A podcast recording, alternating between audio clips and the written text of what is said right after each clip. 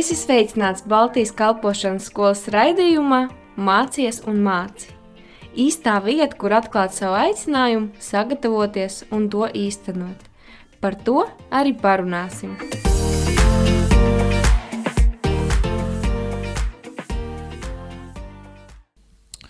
Es esmu no tiem cilvēkiem, kas uh, gaidu Kristus atnākšanu un runāju par to, ka tas laiks ir tuvu klāt.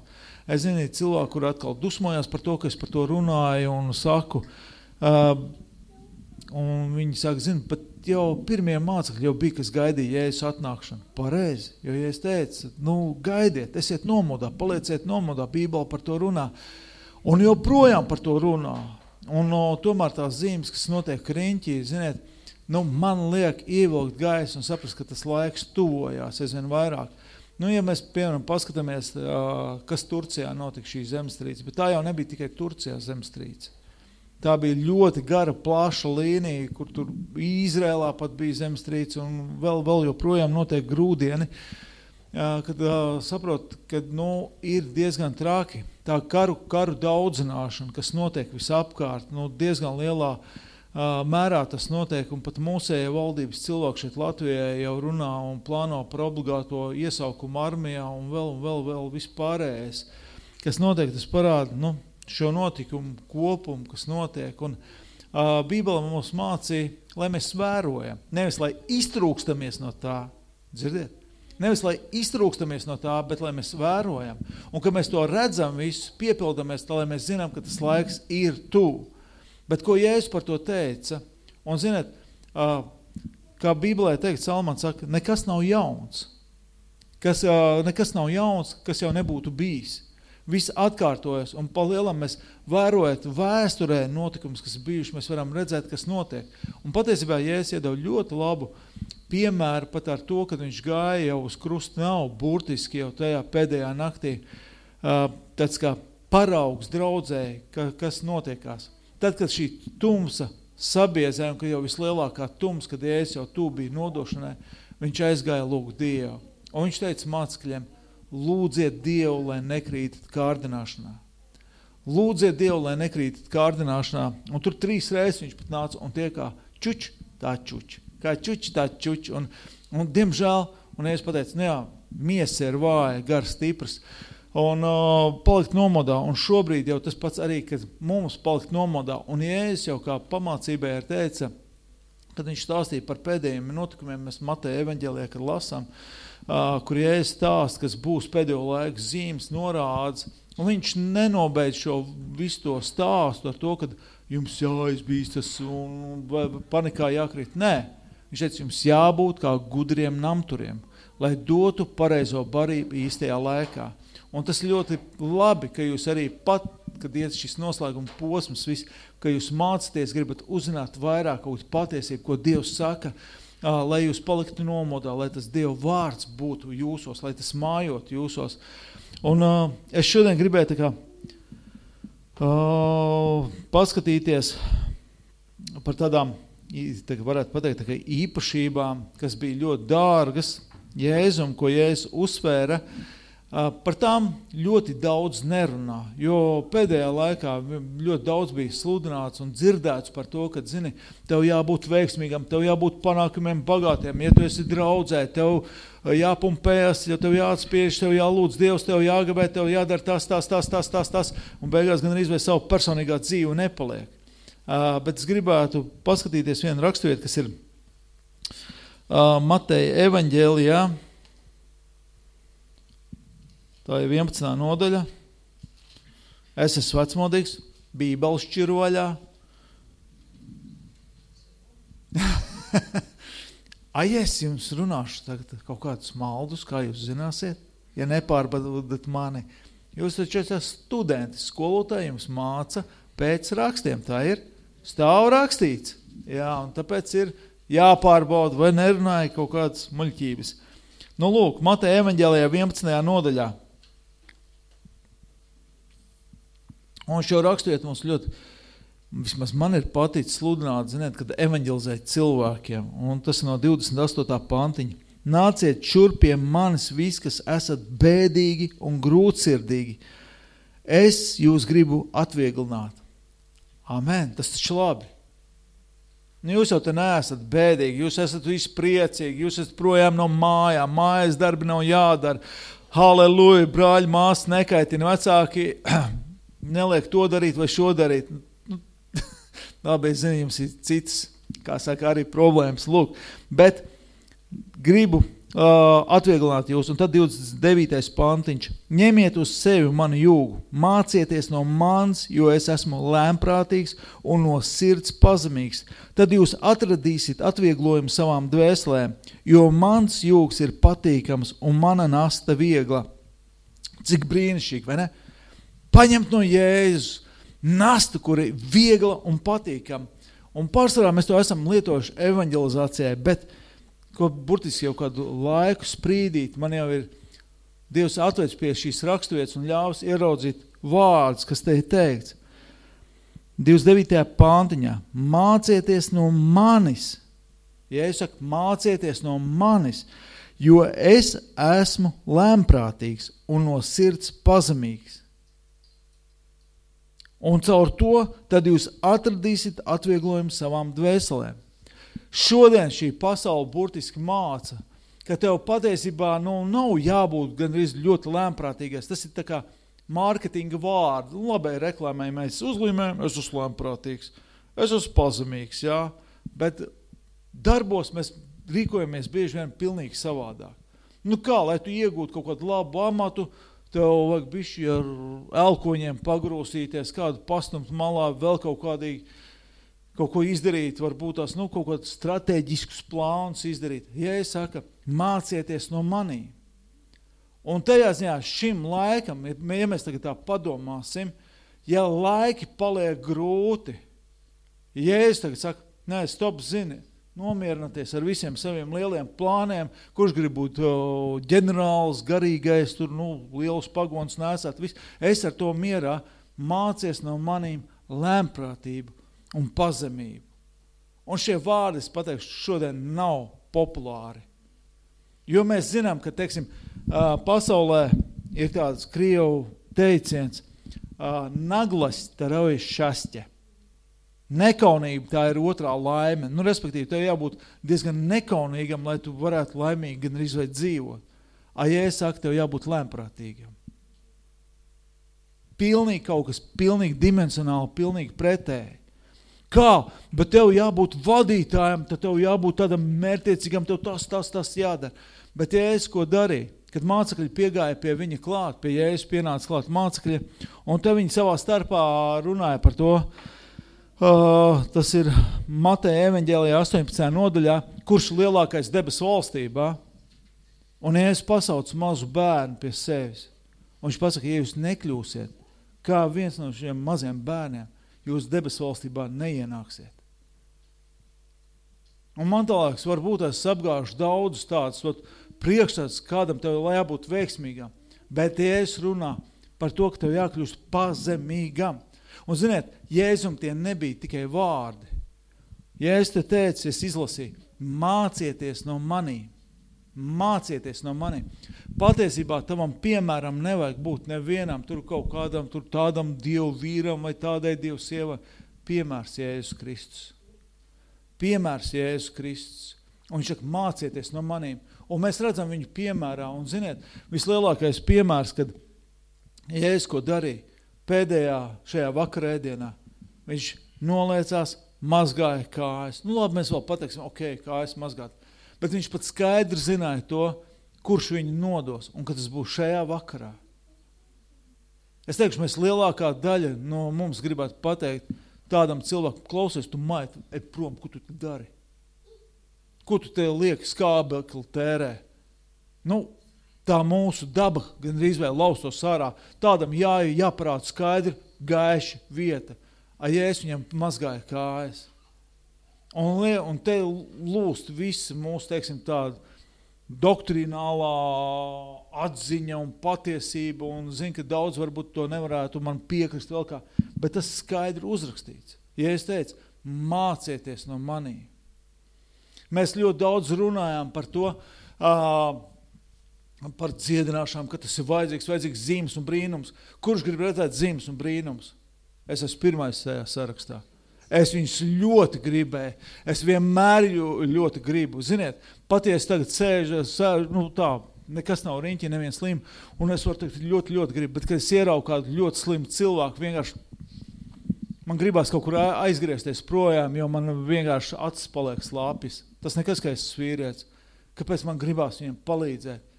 Bet es domāju, kāpēc bieži vien nenotiek dziedināšanas brīnumi. Notiek, es pats piedzīvos riņķies redzēt, kur pie cilvēkiem notiek dziedināšanas brīnumi. Bet es pie sevis pārdomāju, kad Dievs man atklāja šo raksturvietu, bet kā būtu ar manu sirdi, ja notiktu tagad brīnumu un zīmes pārdabiski? Vai manī nepamostos tāds neliels, ziniet, tāds kaut kur lepnums neiezaktos iekšā? O, es tas svētais tēvs. Īpašais, jā, un ka gan arī vai cilvēku, o, pārdzīvo, ak vai, A, ja Dievs saka, es savu godu nevienam neatdošu. Nevienam. Uh, esat dzirdējuši tādu vīru Smits Viglsvorts. Ir pa viņu sarakstīts grāmatas, varbūt kāds lasīs. Bet tas jau bija burtiski tu jau viņu jau, kā saka, laikam, ka viņš gāja mūžībā. Viņš šedēja mājās pie viņas nots atnāca. Un Smits lasīja avīzi, un viņš sāk raudāt. Un viņš, par ko tu raudi? Un tur bija raksts, aprakstīts vietējā avīzē, tur tāds, kādus brīnumus viņš dara, un tāds, nu, kādu brīnumu notikuši, un tādu, nu, slavinošu vārdu. Ļoti pozitīvi, labi vārdi aprakstīti par viņu bija. Un viņš raud. Viņš saka, Dievs man ņems projā, jo viņš savu godu nevienam neatdos. Jo tas nav vigls vārds, kas tos brīnums dara, bet Dievs. Un viņš pagodināja visā Dievu bet tajā pašā laikā viņš bija tik ļoti lēmprātīgs un pazemīgs, lai klausītos Dievā, ko tu gribi darīt. Un es biju godīgs pret sevim un sāku saprast, un es sāku uz Dievu saukt Dievs, palīdz, es gribu būt pazemīgs. Un ziniet, dažreiz nāk skolu uz to pazemību. Zini, ka tu bieži vien kļūst pazemīgs. Tad, kad pamata zem tavām kājām sagrūst, ka tev kāds pagriež muguru un ar vārdiem iedur tavā sirdī tu jūties samīts dubļos, un tad kā tu reaģē? Kā mēs reaģējam? Patiesībā tur parādās mūsu kristietība. Tur parādās mūsu kristietība. Uh, es gribētu, ka mēs atšķiram um, jā, Mateja evaņģēlijas šo 16. nodaļu, un te no 24. pantiņa, Tad Jēzus sacīja saviem mācekļiem, ja kas grib man sekot, tam būs sevi aizliegt, ņemt savu krustu un sekot man. Jo kas grib izglābt savu dzīvību, tas to zaudēs, un kas savu dzīvību zaudē manas dēļ, tas to mantos. Jo ko tas cilvēkam palīdz, ka tas iemanto visu pasauli, bet tam zūd dvēsele? Jebko cilvēks var dot par savas dvēseles atpirkšanu, jo cilvēka dēls nāks savā tēva godībā ar saviem eņģeļiem, un tad viņš katram atmaksās pēc viņa darbiem. Ņem savu krustu. Mēs gribam sekot Jēzum līdzi, mēs gribam redzēt šos brīnumu darbus, bet tev jāņem savs krusts un jāsako līdzi. Uh, es atbraucu, tagad jau sanāks, kad laikam 11 gadu atpakaļ uz Bausku, jo draudze bija izpostīta, viņa bija jau gadu kā nefunkcionēja, es atjaunoju šo draudzi, bet kopā draudzē tagad jau būs 30 gadi, nu lūk, tas sanāk jau kaut 11 gadi, un tas bija laikam otrajā gadā, kad mēs jau kalpojam, vai trešā, precīzi neatceros, bet man bija ļoti liels skubinājums paaicināt pirmo mācītāju, kas bija kalpojuši šajā draudzē, kas bija uzsācis to Bauskas vasaras vai draudzi, Tautuvaits Vincents – uh, Jelgavnieks, tepat dzīvojas Jelgavā. Nu, lūk, un slavu Dievam, tiešām bija tāds paskubinājums tieši uz gadu jubilēju. Mēs tā kā jubilēju svinējām 26. decembrī, uh, tā kā atjaunošanas jubilēju. Un viņš atbrauc, viņš atbrauc ar savu znotu kopā, un viņš dalījās ar vārdu. Un viņš tieši dalījās, ka katram jāņem savs krusts un jāsako Jēzum. Un man patīk tā līdzība, ko viņš pateica, un ka mēs cilvēki, kad ejam pa to dzīvi, tas krusts liekas smags paliek. Viņš paliek smags, paliek nērts, un, lai paliktu vieglāk, daži sāk to krustu tā kā skrubināt nost, lai viņš paliek bišķi mazāks, vieglāks, lai būtu bišķi vieglāk iet, lai nebūtu tik nērti. Bet tad vienā brīdī mēs pienākam pie tās robežas, kur mums jāpāriet bezdibens, kas šķir šo dzīvi no mūžības. Mums jāpāriet Dievu pusē. Un ziniet, tas katram ikvienam krusts ir tik liels, lai viņš būtu šeit pārējai noderīgs. Bet tie, kas ir noskurbinājuši kaut ko nos no šī krusta, viņi nevar pāriet, jo krusts ir par maz. Viņš palic par maz. Tikai tāpēc, ka mēs gribējām atrast kaut kā izlocīties, atrast vieglāko ceļu, kā iet. Un es teicu, ka es gribu man sekot, tam būs jāpaņem krusts. Un, ziniet, es runāju par pazemību un lēmprātību. Gluži kā krustam divi baļķi – pazemība un lēmprātība. Un, ziniet, tas, ka tu vēl krustu nes, tas vēl nav nekas. Bet pienāk viens brīdis, kad tevi sit krustā. Jo Jēzus sita krustā, un viņš mira sev. Un viņš pateica, tam jābūt. Ja kviešu grauds nekrīt zemē, viņš paliek viens, viņš nevar nest augļus, bet tev jānes daudz augļu. Un tas burtiski garīgi, ka mēs mirstam sev, un mums būs šajā dzīves ceļā, ka mēs ejam ar Kristu, ka kāds sitīs tev pie krusta, ka kāds būs no tiem, kas tev apkārt, ņems to āmuru un sitīs tev pie krusta, un tas tev sāpēs. Bet ko darīsim mēs? Dievs atmaksā viņam, lai uguns krīt. Bija taču divi brāļi, Jānis, ja nemaldos, un Andrē, ka vienā pilsētā Jēzu negribēja pieņemt Samarijā, un viņi teica, Jēzu, mēs izsauksim, lai uguns krīt. Un es teicu, nē, nē, nē, nē, kādam garam jūs piedarat? Kādam garam jūs piedarat? Es neesmu nācis nokaut, nomaitāt, bet glābt. Un ja mēs mākam apstāties Tad, kad tu saņem kaut kāds pārdorējums, dūriens ar dūns, un ja mēs mākam apstāties Kristu, paraudzīties uz Kristu, un tas ir tie vārdi, mācieties no manī, mācieties no manī, es esmu lēmprātīgs un bezgalva pazemīgs. Es zinu, ka tas daudziem nepatiks modernē, kā saka, draudzē, jo mums ir jāiet uz pilnību. Tā ir Kristus pilnība. Tā ir Kristus pilnība. Un zini, ja es tur teica, ka tu uzņemsies šo, šīs lietas, pazemību, lēmprātību, jūs atradīsiet atvieglojumu savām dvēselēm. Un tas ir, viņš teica, jūks, tas ir jūks, tad tu kaut ko paņem uz saviem pleciem un nes. Tas ir tas krust, ko tu ņem un nes, bet tas ir tas Kristus krustas, lēmprātība un pazemība, un kaut kādā brīdī tas būs jālieto tev tavā dzīvē. Tas pienāks brīdis. Es zinu, jūs iemācīsieties šeit skolā, tiešām svētīga skola, daudz lietas, bet pa, praktiskā kristietība tev būs jāizdzīvo savā dzīvē. Šeit jūs esat tā kā tomāts siltumnīcā, kas tiek audzēta, laistīta īstajā brīdī, pareizā laikā, un jūs, wow!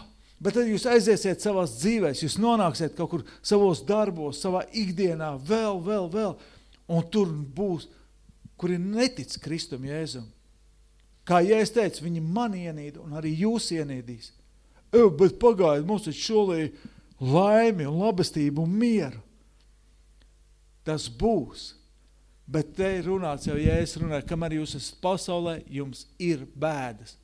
Piedodiet, neatnes super vēst, ka jūs būsiet spožākās zvaigznes, bet patiesībā jūs sākat spīdēt, ja jūs lietojat šīs lietas, jūs spīdat, Un ziniet, ja es teicu, ja kas mana vārda dēļ atstāja māju, tēvus, kaut ko mana vārda dēļ, tas jau šinī laikā dabū simtkārtīgi atpakaļ un mūžīgo dzīvību. Dievam ir liela apsolījuma, un viņš arī piepild savus apsolījumus. Bet svarīgi, ka mēs paņemam lietas. Un, ziniet, tu jau tagad pieņem šīs lietas un domās par šādām lietām, zini, tev nebūs vilšanās. Bija kāds sprīdis manā dzīvē pagājis, ka kalpos jau visu kaut ko bija dabūjis, nu, kā saka, teikšu tā, tēlaini iztaisīšos, zin kā, ja, izteikšos, ja es taču runāju līdzībās, ja, nu, teiksim, garīgi dabūjis riktīgi pa muti jau daudz sītienas, apdauzīs, sadauzīs, dziedināts no Dieva, un tad es tā vienreiz sēdēju domāju, pats visu kaut ko jau esmu piedzīvojis, nu, vai mani vispār kaut kas var pārsteigt? Tāds domas vienkārši savā galvā ienāca. Nu, nepagāja nedēļa.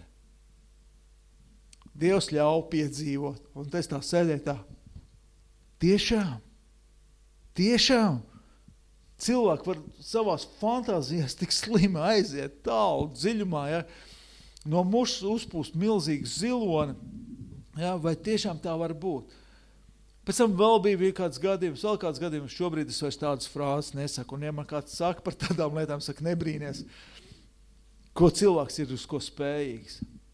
Un kāpēc es runāju par šīm lietām? Jo man šīm lietām lika kā, padomāt, es lasīju tādu grāmatu, vislaimīgākais cilvēks, ko ebrejs, kas uh, bija izdzīvojis visu holokaustu, izgājis cauri, izdzīvojis, palicis dzīves. Un tur bija tādi vārdi, ko viņš teica, uh, ka jau 38. gadā, jau otrais pasaules karš, viņš dzīvoja Vācijā, viņš sev uzskatīja par vācieti, tad viņš uzskatīja vēlreiz par vācieti un tad tikai par ebreju. Viņš bija nu, tiešām tāds godīgs, viss tā ģimene bija ļoti godīgi pilsoņi, Vācijas pilsoņi. Un tad sākās tur tie ierobežojumi vāciešiem. Viņš pabeidz savu skolu, viņam vajadzēja, nu, teiksim, mūsdienu valodā teikt, uz tehniku iet mācīties, jau kaut ko vairāk apgūt. Un viņu kā saka, atšuva no tehnikuma, neļauj viņam mācīties tikai tāpēc, ka ir ebrejs. Tiešā tekstā pateic, tu ebrejs, tu nemācīsies. Uh, tad teica pa blatiem, uztaisīja viltotus dokumentus viņa citā vārdā, un var sakot, viņu pieņēma vācu skolā, viņš izmācījās. Un tad, kad viņš pabeidz šo skolu, viņi pat vecāki neatbrauc uz izlaidumu, viņš ļoti labi mācījās bija. Un tā, kad uh, viņi tur pat uzņēma tajā arotbiedrībā, teica, tajā laikā arotbiedrības bija pilnīgi savādākas nekā mūsdienās. Mūsdienās arotbiedrības cīnās, lai paceltu algas. Tajā laikā arotbiedrības gāja kopā speciālists, dažādāk speciālists, lai kaut ko veidotu labu priekš sabiedrības. Un viņš bija ļoti lepnis, bet viņš raudēja par to, ka, ka viņi uzņēma šajā arotbiedrībā, ka vecāki nevarēja būt klāt. Un tad viņš vienā dienā gribēja aizbraukt uz mājām, aizbraukt uz savām dzimtajām mājām, Vecāki par to nezināja, bet, kad viņš atbrauca māja, bija tukša, aizslēgta, bet viņam bija rezerves atslēga. Viņš iegāja šajā mājā, palika pa nakti, gulēja, un pēkšņi naktas vidū milzīgi spērieni pa durvīm, tur esesieši, var sakot, ielauzās mājās. Viņi izrāva ārā smagi, piekāva ļoti smagi. Var sakot, tas bija tā, tā nakts, kristāla nakts, ko sauc vēsturē, kur ebrējs visu vienkārši lopu agonos met un veda uh, uz koncentrācijas nometēm projām. Uh, un viņa šie vārdi, kas bija, mēs nespējām noticēt. Kaut gan notika lietas un zīmes, kas notika, viņi joprojām nespēja noticēt, kaut kas tāds ļaunums vai var atnākt vispār. Un tas ļaunums atnāca vēl lielāks, nekā viņš varēja domāt. Uh, uh, burtiski vakar klausījos vienu liecību, kad uh, vīrs mācītājs kas nav Marimpols no Ukrainas, Krievijas, kur bija milzīgi, viņš bija tur bijis tajā, burtiski tajā Elas mašīnā izgājis cauri, bet tiešām no Dievu žēlstības izvilkt, kā saka, izglābās ārā, un ka viņš ar to visu dalījās. Uh, viņa jau, kad tur bija pirmais tas karš 14. gadā sākās, viņam jau bija brīdinājums par to, Un viņš saka, mēs nevarējām noticēt, ka kaut kas vispār var būt labi, tur pašaudies, pašaudies, viss. Tagad tā kā mierīgāk paliek, viņi turpināja dzīvot, vēl visu kaut ko domājam, mēs te būvēsim, taisīsim. Bet tās lietas notika uz priekšgāju, un tad bija ļoti spēcīgs pravietojuma vārds, brauc prom, spēcīgs, stiprs vārds, brauc projām. Un tad, kad viņi sāka taisīties, braukt projām, vienkārši sievai pārņēma milzīgi panika. Es vienkārši īsumā un varbūt tas haotiski, bet to galveno ainu gribu uzzīmēt šim stāstam. Uh, burtiski satvēra panika, uh, histeriska lēkme, ka viņi vienkārši sabruka, viņi sabruka tā, ka viņi nevarēja vairs vispār neiet neko, nu, smadzenes burtiski neizturēja. Kāpēc? Tāpēc, ka viņai vajadzēja tas mirklis ātri savākt mantas un bēgt projām burtiski. Viņi to nevarēja izdarīt, viņi nevarēja atstāt, atstāt šīs mantas un Kāpēc to stāstīju? Man tas sasējās ar uh, la, Lata sievu. Ar Lata sievu sasējās, kad uh, jau burtiski jau pat eņģelis jau atnāca, paņēma jau Latu aiz rokas, lai vest, vest ārā no Sodomas Gomors, jo tu līdz jāsākās izpostīšanai. un viņi izvilka ārā, un viņam bija dot pavēlu neskatīties atpakaļ. Bet šī sieva neizturēja, viņa paskatījās atpakaļ, un viņa palika par saules stābu. Līdzīgi ar šo sievu. Patiesībā, ja mēs neesam gatavi nomirt, mēs esam piesieti pie šīs pasaules. Un ja mēs esam piesieti pie šīs pasaules, ja mēs neraugamies uz to apsolījumu, uz ko raudzījās Ābrahams, viņš gaidīja pilsētu ar nocietinājumu mūriem, kas lāsē rakstīts jaunajā derībā, bet kuras veidotājs ir pats Dievs. Viņš gribēja, jo viņam bija apsolījums tāds, bet tā bija runa jau par to debesu valstību, kas būs priekšā, ko Dievs mums sagatavojas, ka mūsu balva nav šeit uz zemes, bet kamēr mēs pavadām svešniecības laikus, lai mēs ietu līdz galam, lai mēs nenobītos, bet ietu līdz galam. Un tām sāpēm, kurām tu esi izgājis cauri, kur tu esi saņēmis varbūt tās nicinājumu un pazemojumu, par tevi varbūt smējās, tāpēc kāds tu esi tur sektā iegājis, kaut muļķības tur dara vai vēl kaut ko. Tas ir tāpēc, lai tu nolaistos zemāk, lai tevi mācītu pazemību. Dzirdi? Tā, tas ir ceļš. Vai Dievs to paredzēs ar tādām sāpēm iet? Nē, no paša radīšanas sākuma tas nebija paredzēts. Paredzēts bija dzīvot ēdens dārzā, kur tiešām Dievs svētība, Dieva tūmus un laime būtu. Bet par cik ir grēk šajā pasaulē, tad Dievs arī šo ļaunumu vērš mums par labu. Kāpēc? Lai mēs burtiski atstumtu šo pasauli, bet raudzītos uz to Dieva balvu, kas mums sagatavot, un lai iet uz šo Dieva balvu, lai mēs katrs varētu paņemt šo krustu, nest, bet caur visu to, ka mēs varam spīdēt viņa gaismā. Un patiesībā, kas spīd, tie ir tavi labie darbi darīt Kristu Jēzu. Halleluja! Halleluja, slavu Dievam! Un par cik laiks, kā saka, es teicu sākumā, ja, kad iet uz šo iztecēšanas laiku, vēl jau vairāk mums jāpaliek nomodā, vēl jau vairāk jāpievērš skatos Kristus un tiešām izvērtēt, kas ir svarīgākais manā dzīvē. Kas ir svarīgākais? Un tajā pašā laikā Kristus nav paredzējis to, ka mēs pametam visu, atstājām un tagad sēžam, nu, Kristu nāc. Nāc, nē. Rakstīts ir, ķē, ka ķēniņš līdzību, ko Jēzus stāstīja, ka ķēniņš taisīja svinības. Esat lasījuši tādu? Un kalpiem liks aicināt dažādākus cilvēkus, tur tos ciemiņus. Un viena pateica, nav laika, tur jāpērk mašīna, vienam tur zirgs jāpērk, vienam sieva jāņem, tur vēl visādi biznesi jātais. Tiem nebija laika, un tad ķēniņš palika dusmīgs, aicina visu pēc kārtas, tīzlus, aklus, kroplis un saicināja. Un tad tur rakstīts, ka viens bija ienācis, nebija uzvilcis kāzas drēbes. Un tad, kad ķēniņš izgāja apskatīties šos kāzu, kas ir atnākuši kāzām, ieraudzīja šo un pienāca viņam klāt, prasīja, kur tavs drēbes ir? Un teiks, viņš kā mēms palika. Un, ziniet, es ilgu laiku nesapratu šo līdzību tādu, nu kā, nu, taču aicināja visu klibus, aklus, tīzlus, nu, nākt visiem iekšā.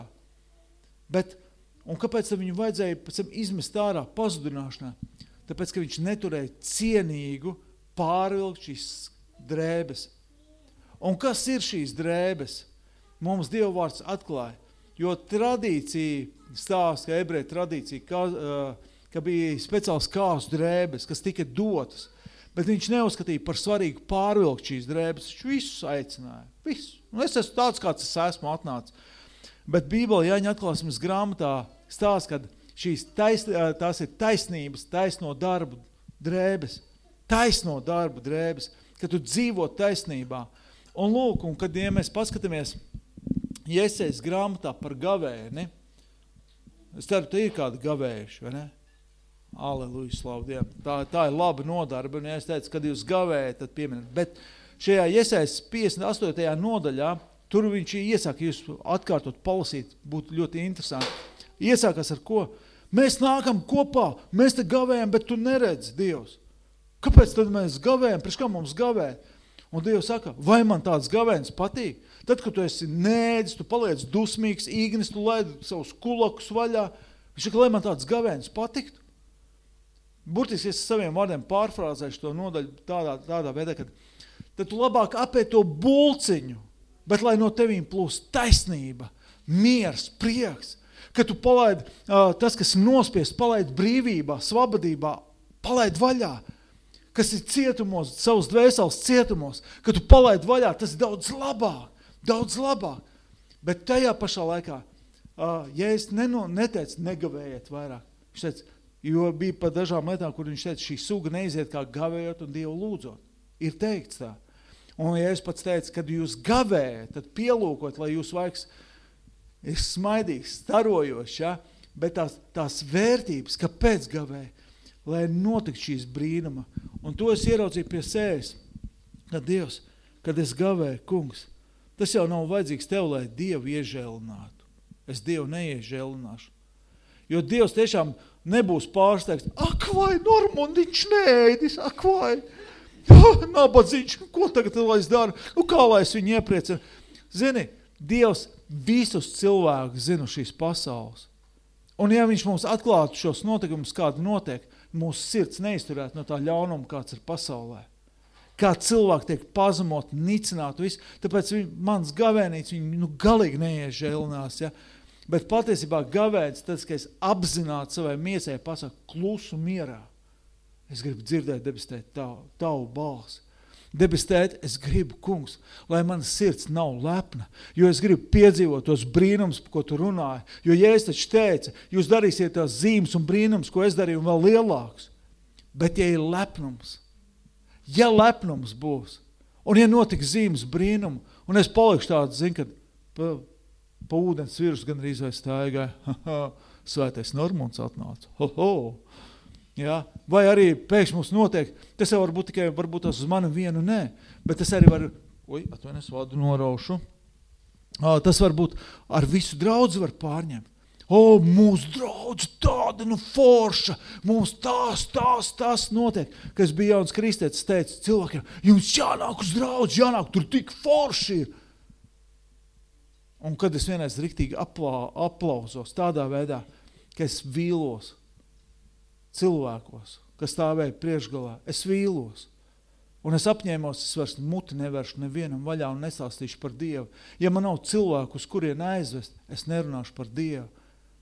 Bet paldies Dievam, ka Dievs ir tik lemprātīgs un pazemīgs, un ka viņš deva savu svēto garu un mana veidā atpakaļ. Interesantā veidā viņš piesūtīja, man nav jābeidz jau, līdz iešu uz nobeigumu, uh, viņš manā ceļā atsūta cilvēku, vienkārši cilvēks no pēkšņi man sāk stāstīt savu dzīves stāstu. Nu, es tiešām teiktu tā pateikšu, elle zemes virsū.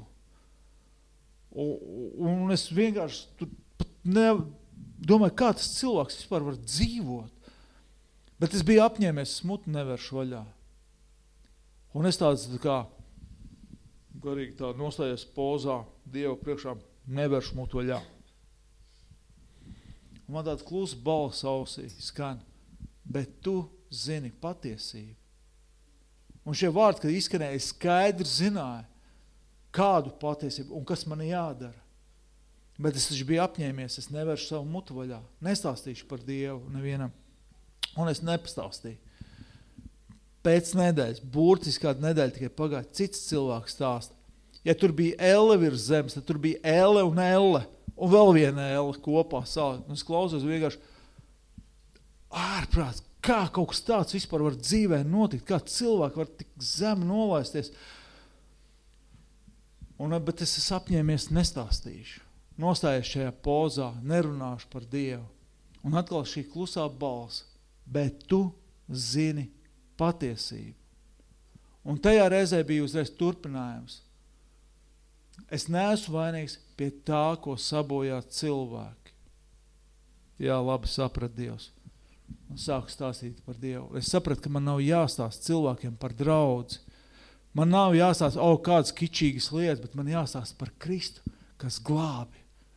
Jo, kā lasīju sākumā, kad nāks Jēzus ar saviem eņģeļiem savā godībā un atmaksās ikvienam pēc darbiem, un lai nebūtu daudziem jācieš, lai nebūtu daudziem jācieš, bet maksimāli, lai tiktu izglābti cilvēki. Tāpēc jūs mācāties šajā bībeles skolā, lai jūs uzzinātu plašāk šos dievu lauks, bet tas jūs neiecels gen, gera, generalissimus amatā, nu tāds milzīgs pagons, esat no Bībeles skolas ārā, tagad tādi īpašie, jūs paliksiet tādi paši Dieva bērni, bet caur pazemīgu un lēmprātīgu kalpošanu jūs spēsiet aiztiekt daudzus cilvēkus. Un ka būs šī lēmprātība un pazemība, tur notiks zīmes un brīnumi. Un tad, kad uzdrošināties, lūgt Dievu, likt rokas virsū. Un kas arī nāk caur šo arī gavēni. Ir dažiem cilvēkiem, kuriem ļoti viegli pieiet un sāk stāstīt par Dievu. Varbūt tu esi viens no tiem, bet ir tādi, es to nespēju. Bet tad, kad tu gavē un gaidi uz Dievu, tad Dieva gars nāk pār tevi. Un tu vienkārši nevari runāt. Un tad cilvēks var pateikt, tā kā mana mamma, es nespēju tam noticēt. Kā tas ir pārvērties? Kas tas bija? Un tu vari pateikt, tas ir tikai Dievs. Ne kaut kas no maniem. Tas ir Dievs, kas darbojās. Un viņš ir dzīvs. Un es teicu, es esmu ar jums līdz pasaules galam. Tāpēc gavēņi ir svarīgi bet saglabā, saglabāt šo lēmprātību un pazemību. Un no vienas puses tas ir ļoti labi, ka jūs esat kopā šeit skolā un mācāties, un jums ir savi izaicinājumi. Ka kāds netīšām tavā vietā apsēžās, vai kāds kaut kur pastum kaut ko vai parīvējās, un tad gribas, tā ir vieta, kur mācīties pazemību, halleluja. Un tas ir labi, ka tev, Jūs visi vienādi var atnākt šādā zālē, aleluja, Dievs, paldies, tev, ka tu esi žēlīgs, ka tu man maini, un ka mēs varam lūgt arī viens par otrus. Aleluja, tā bija vēsts, ko gribēju aiznest. Ceru, ka tas tavā sirsniņā trāpīja, un ka tu paturi to, paturi. Ziniet, jo Salmans saka, daudzai grāmatu rakstīšanai nav gala, tāpat tās ar sprediķiem nav daudz gala, bet kad svētais gars kaut ko ieliek sirdī, tas paliek tad to satver un nelaid vaļā.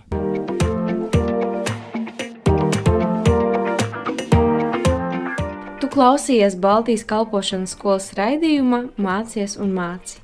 Dieva gudrībā un viņa vadībā tevai dzīvei ir nozīme.